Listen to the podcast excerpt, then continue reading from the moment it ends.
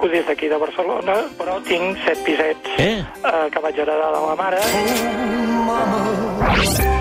Eh, Set pisos? En el barri de Poble Sec, concretament. No, no puc opinar. Clar, set pisets, no sé si es considera petit propietari, però em sembla una petita gran fortuna, si m'ho deixes dir així. 61.500. Amb el... Jo tampoc eh, no considero, tampoc... A veure, no, no, no és una gran fortuna, Por favor, home, per l'amor de Déu. Analitza l'especulació. Si deixa la política, es dedicarà a, a fer la tesi doctoral i a la docència? I de què viuré, de què menjaré. No en tindria prou. Jo sóc una bona persona i ho sap tothom. La setmana tràgica.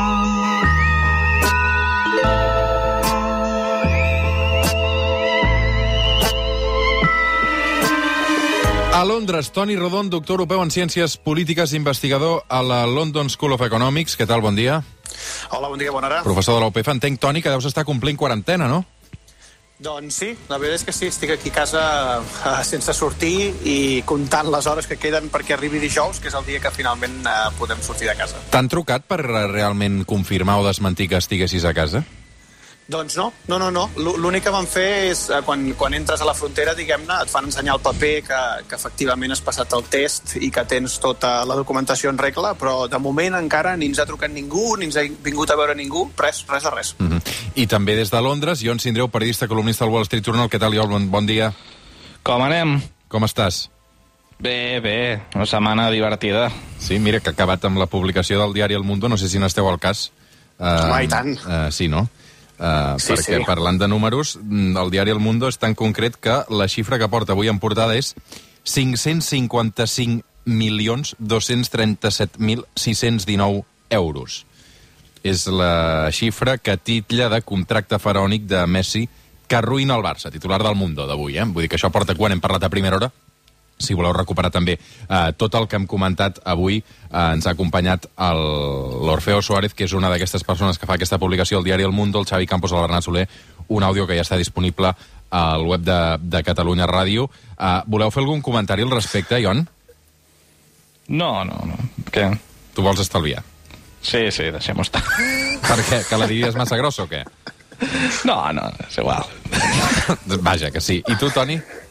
Sí, jo sí, cap problema. A veure, uh, és que aquest titular de que arruïna el Barça, uh, aviam, uh, escapa. Si tu t'ofereixen un contracte de 500 milions a sobre la taula, uh, diries que sí, veritat?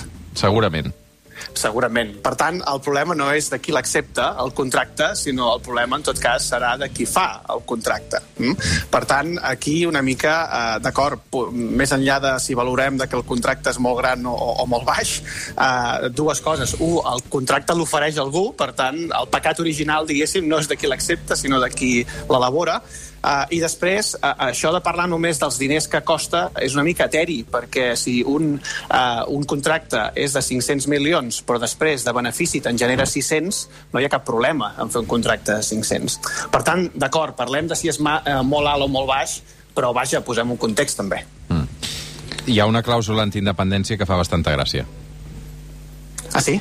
Sí, diu que si Catalunya és independent, eh, Messi pot marxar sense, sense indemnització. Vull dir, sense... Ah, no sé. caram. Veig el Ion Sindreu molt callat i això em té preocupat. No, no, és, és, és que bé, és igual. Vull dir, la, la, la, aquí, aquí com, com el que diu el, el, el Rodon, eh, evidentment és cert, és a dir, i com hem parlat diverses vegades en aquest programa, el, el món del futbol és un món en el que els treballadors, no? és a dir, el, en aquest cas els futbolistes, tenen tot el poder eh, per sobre dels clubs, perquè és un, és un món d'estrelles, per tant, és, un, és d'aquells pocs eh, no? eh, mons dins l'economia en què el treball sempre venç el capital. I, per tant, eh, hi ha un, no, hi ha una tendència a que les estrelles, i com més estrelles són, doncs eh, més diners s'enduen i que, a més a més, diguem, eh, el seu, més enllà dels diners, no, aquests contractes són una manera de demostrar el valor d'un jugador respecte als altres. Per tant, eh, eh, i, i com diu el Toni, és evident que també hi ha els ingressos que després aquests jugadors generen. Eh, per tant, eh, no és sorprenent no? que, que, que Messi doncs, estigués cobrant el que, el que cobrava eh, en el Barça. Eh, Um, el que sí és més sorprenent no, també és una mica la, les campanyetes que, que certa gent doncs, ha fet no, sempre contra Leo Messi. En aquest cas, uh, Martí Savalls del Mundo, una persona uh, coneguda, sí. 5 minuts passen de dos quarts d'onze del matí. Som al suplement, som a Catalunya Ràdio. Això és la setmana tràgica amb el Leon Cindreu, amb el Toni Rodon des de Londres. Avui parlant de números, però no de futbol. Avui parlant d'una especulació que ha portat de corcoll tota la borsa.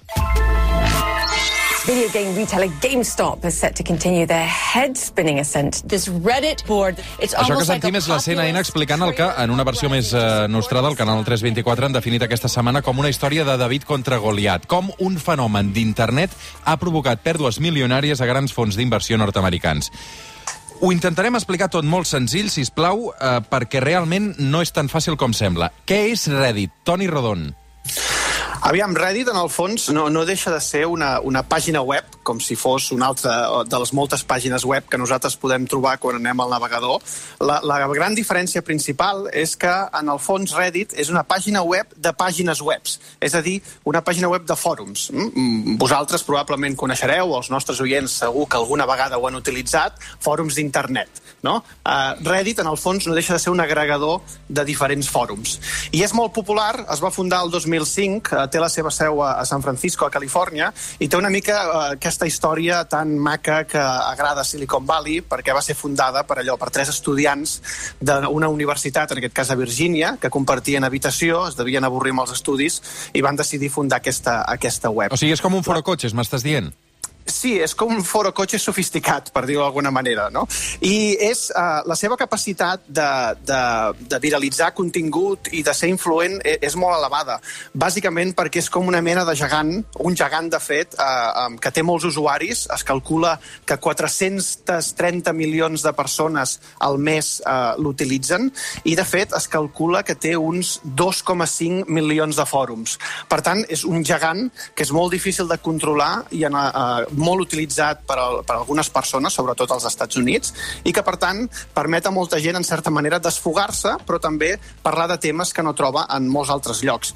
Per exemple, eh, molt sovint, eh, quan es busquen coses per internet, allò típic que no saps com fer alguna cosa, molt sovint acabes a la Viquipèdia, però moltes altres vegades acabes parant a, a Reddit, la qual cosa és graciós perquè el contingut de Reddit està molt menys filtrat, no? i a vegades et pots trobar coses que fan eh, una mica de gràcia.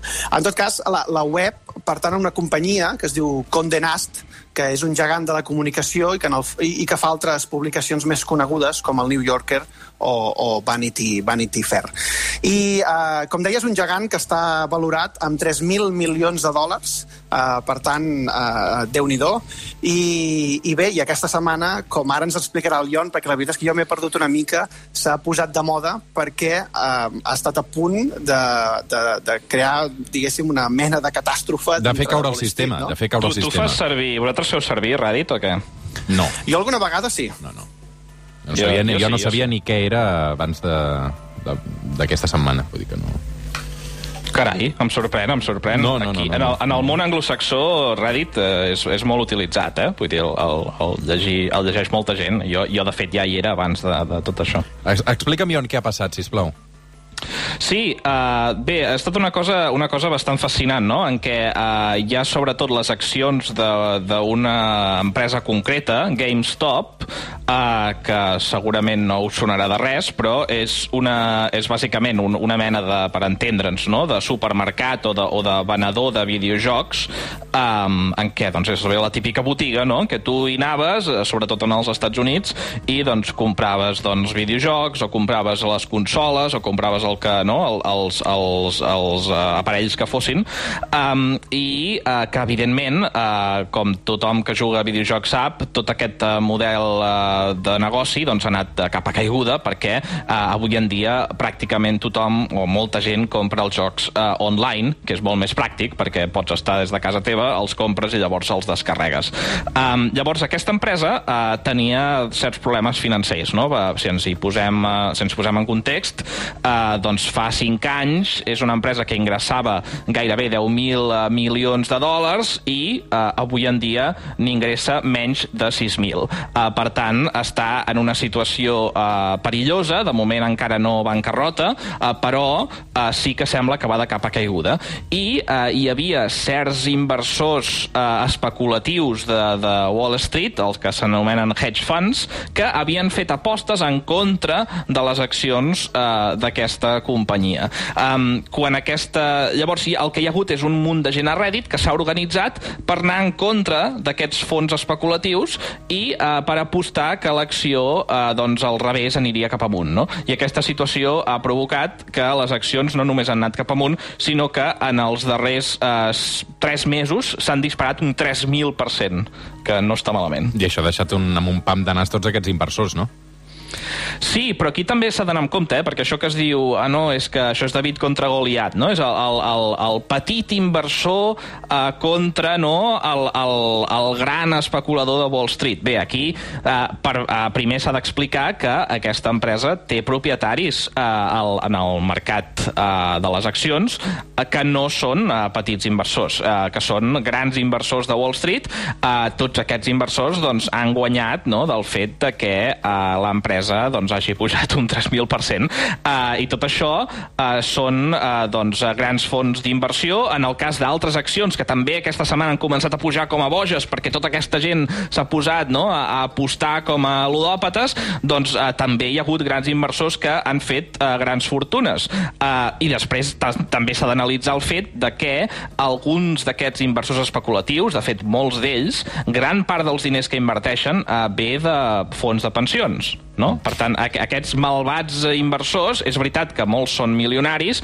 però dins els seus fons també tenen una part que és diners de pensionistes, no? de gent que no, no té gaires mitjans. I, en canvi, molts d'aquesta gent que va a Reddit i que sembla que sigui no? uh, David contra Goliat, uh, tenen forces calés. Uh, de fet, uh, molts d'ells doncs, ja treballen a la indústria financera, entre ells no, l'usuari que va començar doncs, tota aquesta mania especulativa. El que passa és que, clar, aquí la pregunta és com pot ser que es guanyin diners no? o, que, o que el joc de la borsa sigui apostar que una empresa caurà a la borsa, no?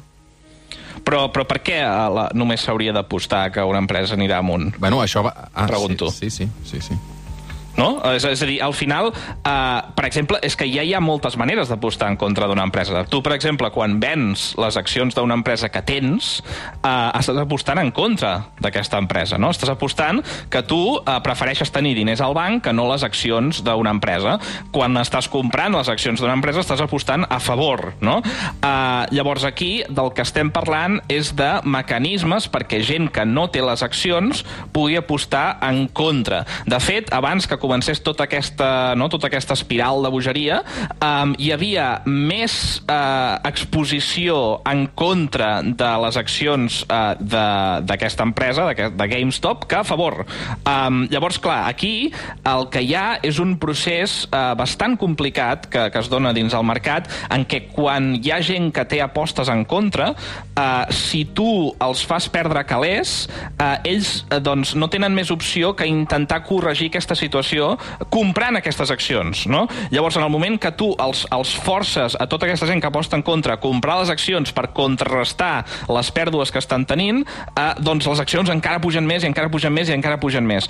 Eh, I aquí el que més a més hi ha hagut és, un, és una cosa complexa de la qual, de fet, jo, jo he escrit bastant en els darrers cinc anys, que és que molta d'aquesta gent eh, feien especulació a través d'un producte que s'ha popularitzat molt, que se'n diuen opcions.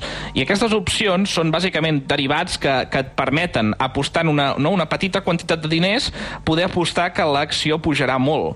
Però, a més a més, eh, com que la gent que et ven aquestes opcions són els, els bancs que hi ha allà a Wall Street, aquests bancs, quan t'han venut l'opció, ells saben que hi ha un risc, no?, que aquesta opció que t'han venut de cop els hi costi molts calés. Llavors, el que fan és intentar-ho contrarrestar comprant les accions mateixes no? que, que tu estàs apostant a favor, doncs ells també hi han d'apostar a favor una mica per contrarrestar tots aquests productes que t'estan venent. Llavors, aquí el que es produeix és això, no? A mesura que tota aquesta gent a Reddit va apostant més i més i més, hi ha aquests efectes amplificadors bojos dins el mercat que fan que aquestes accions no només pugin, sinó que es disparin i que cada vegada doncs, hi hagi aquesta mena d'espiral de bogeria. Uh, però compte, perquè totes aquestes no, forces absurdes no, del mercat que, que, que la gent no entén, que això són coses complicades, també funcionen cap avall. Quan això comenci a fotre's una patacada, no serà una patacada lenta, serà una patacada igualment ràpida perquè els mateixos efectes amplificadors funcionen cap amunt, però també cap avall. Toni.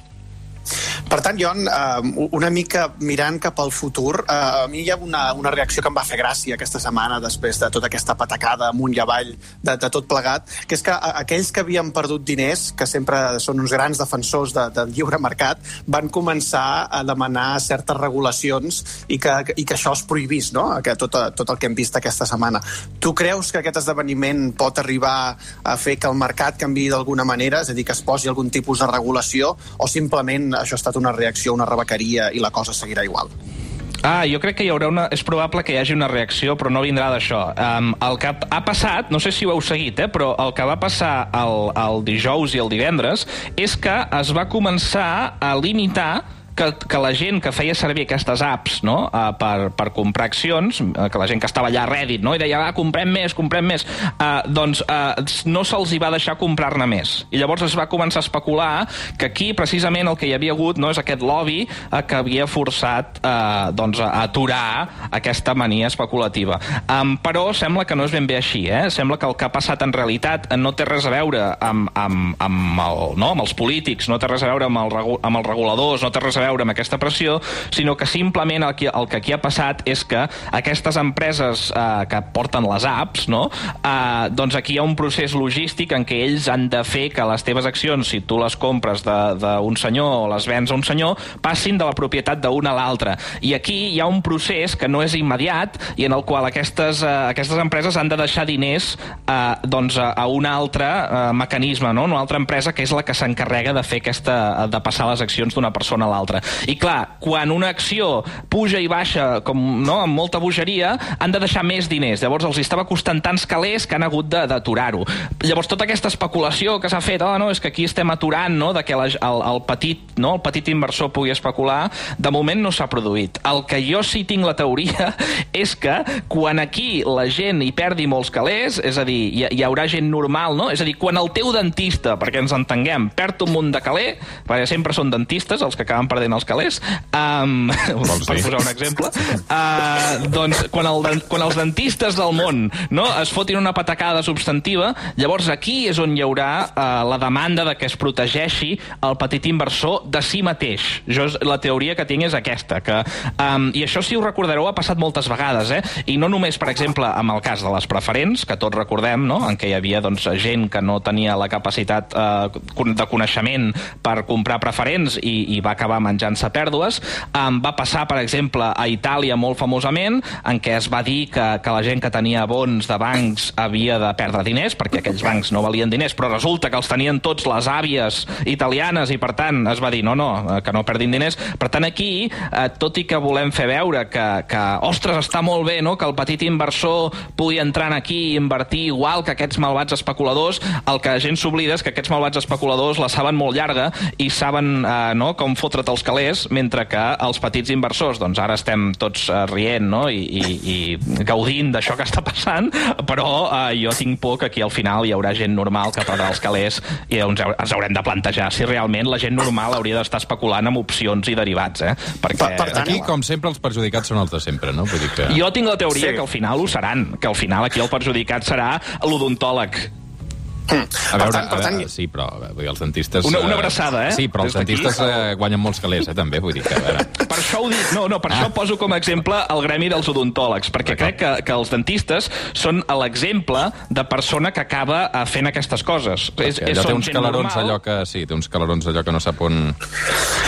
Un. Clar, són gent normal que té temps, perquè no ens enganyem. Eh? Escolta'm, Això de ser des d'aquí una no defensa a 24 tots els dentistes de Catalunya, una abraçada ben forta i tot això Una que abraçada està... al gremi dels dentistes. Sí, què, què tal anar al dentista a Londres, per exemple? Horrorós, car, horrorós. A veure, a veure no, un per un, sisplau. Uh, Toni, per què? No, no, simplement és... A veure, anar al dentista en general eh, no podríem eh, afirmar que no és una experiència molt bonica perquè fa mal, però a més a més fa mal a la butxaca aquí bastant més, eh? I, i Sí. a, a Londres entenc que també és privat de dalt a baix, no? No, no, no. No? Uh, de fet, uh, està més subvencionat que no, uh, que no a Barcelona. Eh? Ah, carai. Uh, aquí uh, la, la Seguretat Social, a segons quins dentistes, et paga uh, doncs, uh, part del dentista i si és una intervenció greu, de fet, t'ho paguen tot. El problema és que és allò que a vegades, eh, a vegades és millor pagar, eh? perquè eh, aquí, diguem, eh, el gremi de, de l'odontologia no es caracteritzaria per la seva qualitat. Llavors, um, és, és una experiència, eh? intentar anar al dentista aquí al Regne Unit. No, ho, heu- no ho heu fet recomano. vosaltres dos? O, o, Jo ho he fet. aprofiteu per, Sí. eh, per... Bueno, entenc que ho feu quan és una cosa d'urgència, però si no, quan esteu a Catalunya aprofiteu per... Jo ho he Jo, fet jo, i... jo aprofito per baixar i fer aquestes coses a baix, sí. Sí, sí, sí. Jo ho vaig fer i em van dir que, que allò que jo estava demanant, que era simplement que em traguessin un queixal del seny, que ja se m'havia dit que s'havia de treure, eh, era impossible, perquè allò era una, era una operació d'una complexitat que ells no estaven... Eh, bueno, és que els veies preocupats, eh, que ells no estaven disposats a fer. Eh, Llavors, llavors, és que, no, és que un queixal del Sí, seny sí. sí. normalment necessites un cirurgià, ja, eh, aquí.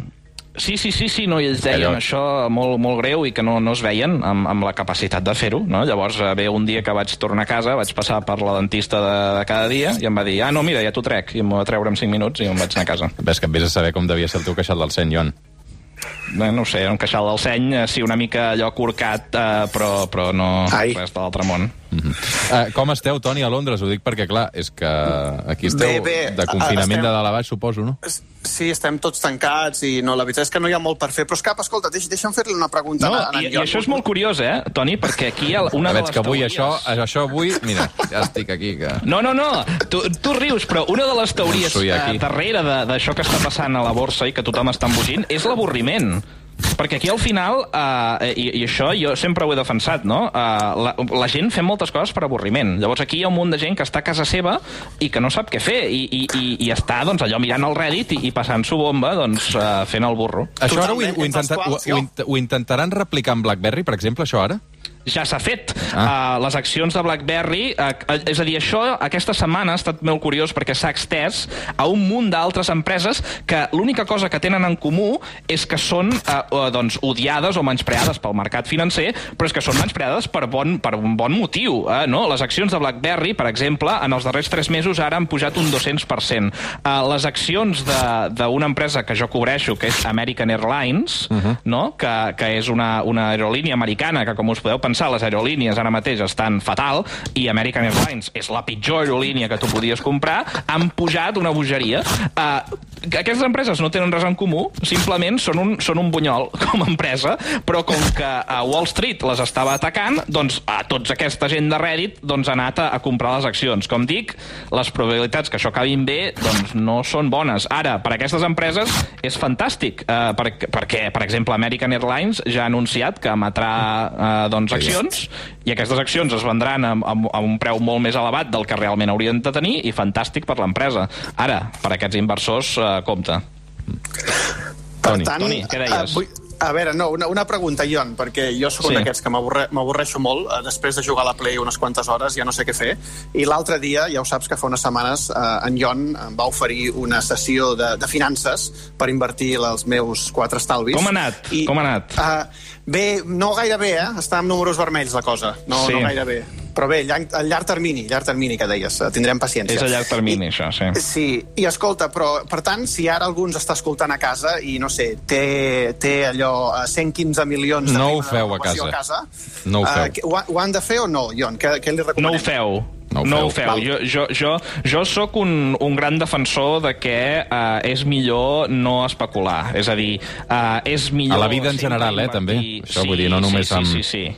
Sí, sí, sí. sí. Uh, no, a veure, si, si, aquí si, si, si vosaltres teniu uh, 500 euros, posem, no?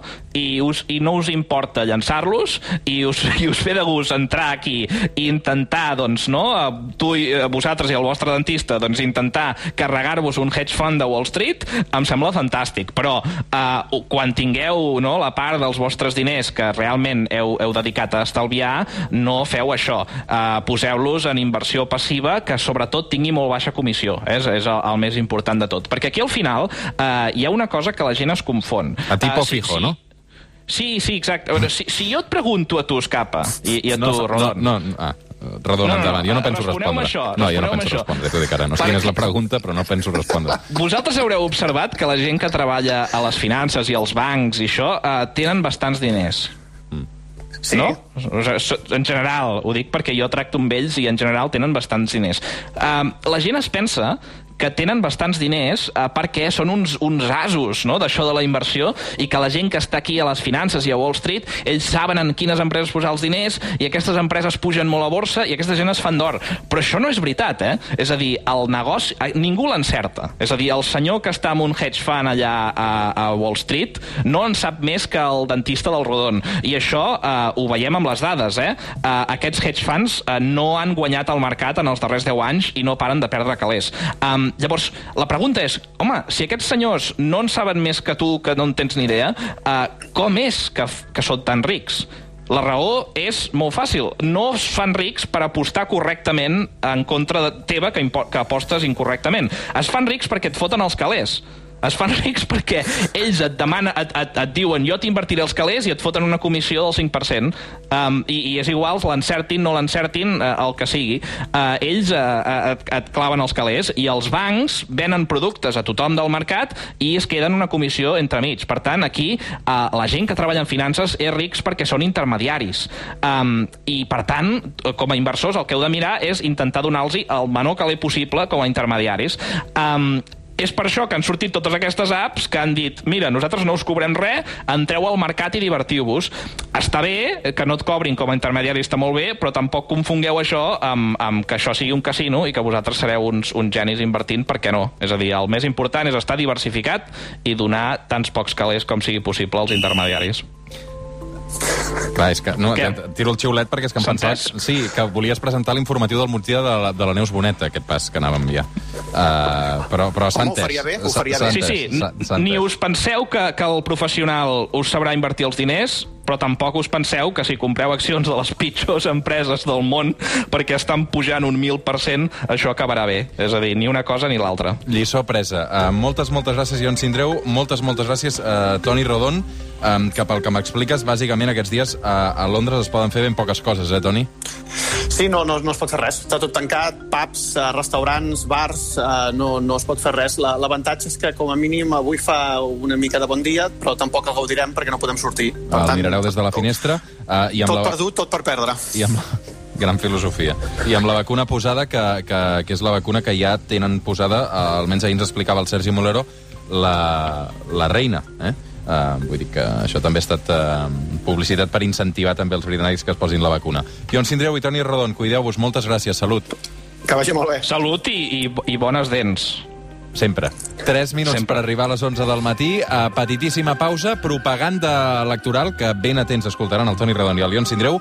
Notícies i tornem al suplement amb el Dominical, amb la Txell Donet des de la Bessa Negra i a partir de les 12 ja ho sabeu. Això es converteix en una transmissió esportiva, suplement, tot gira, tot costa. Pendents d'aquest Barça Real Madrid femení de Lliga. Avui fins les dues del migdia aquest suplement que s'allarga també pendents del futbol a l'estadi Johan Cruyff.